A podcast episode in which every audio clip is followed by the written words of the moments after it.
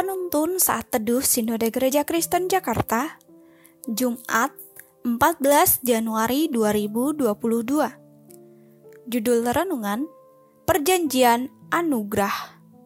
Nats Alkitab terambil di dalam kitab Kejadian pasal 3 ayat 15. Aku akan mengadakan permusuhan antara engkau dan perempuan ini, antara keturunanmu dan keturunannya keturunannya akan meremukan kepalamu, dan engkau akan meremukan tumitnya. Doni anak yang nakal.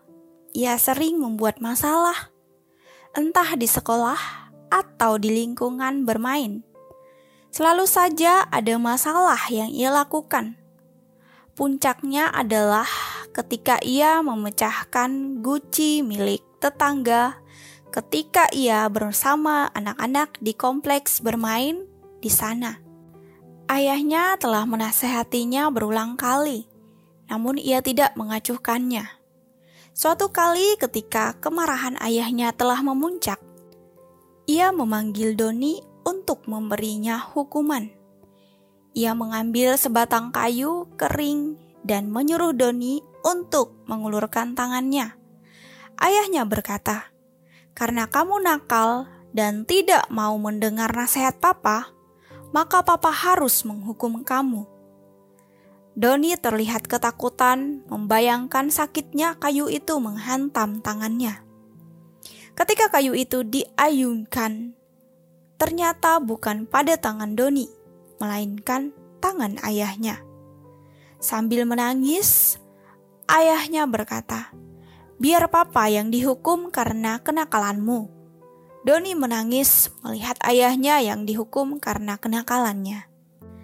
Tepat setelah Adam dan Hawa jatuh ke dalam dosa, mereka diusir dari Taman Eden dan menerima hukuman Allah. Lalu, apakah kemudian Allah begitu saja membiarkan mereka pergi dan menderita? Tentu tidak. Di saat yang sama, Alkitab mencatat bahwa mereka juga menerima perjanjian anugerah dari Allah.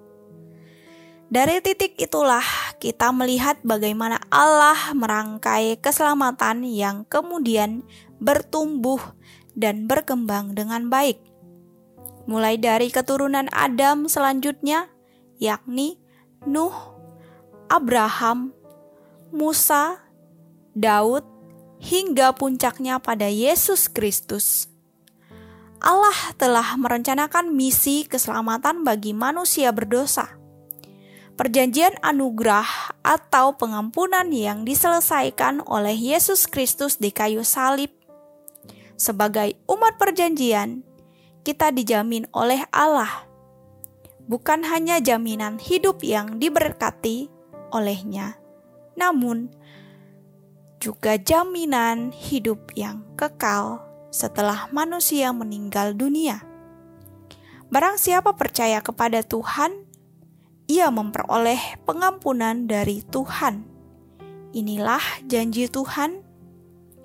Allah memberi anugerah bagi setiap orang yang percaya dan menjadi umat perjanjiannya. Amin. Terima kasih, Tuhan Yesus memberkati.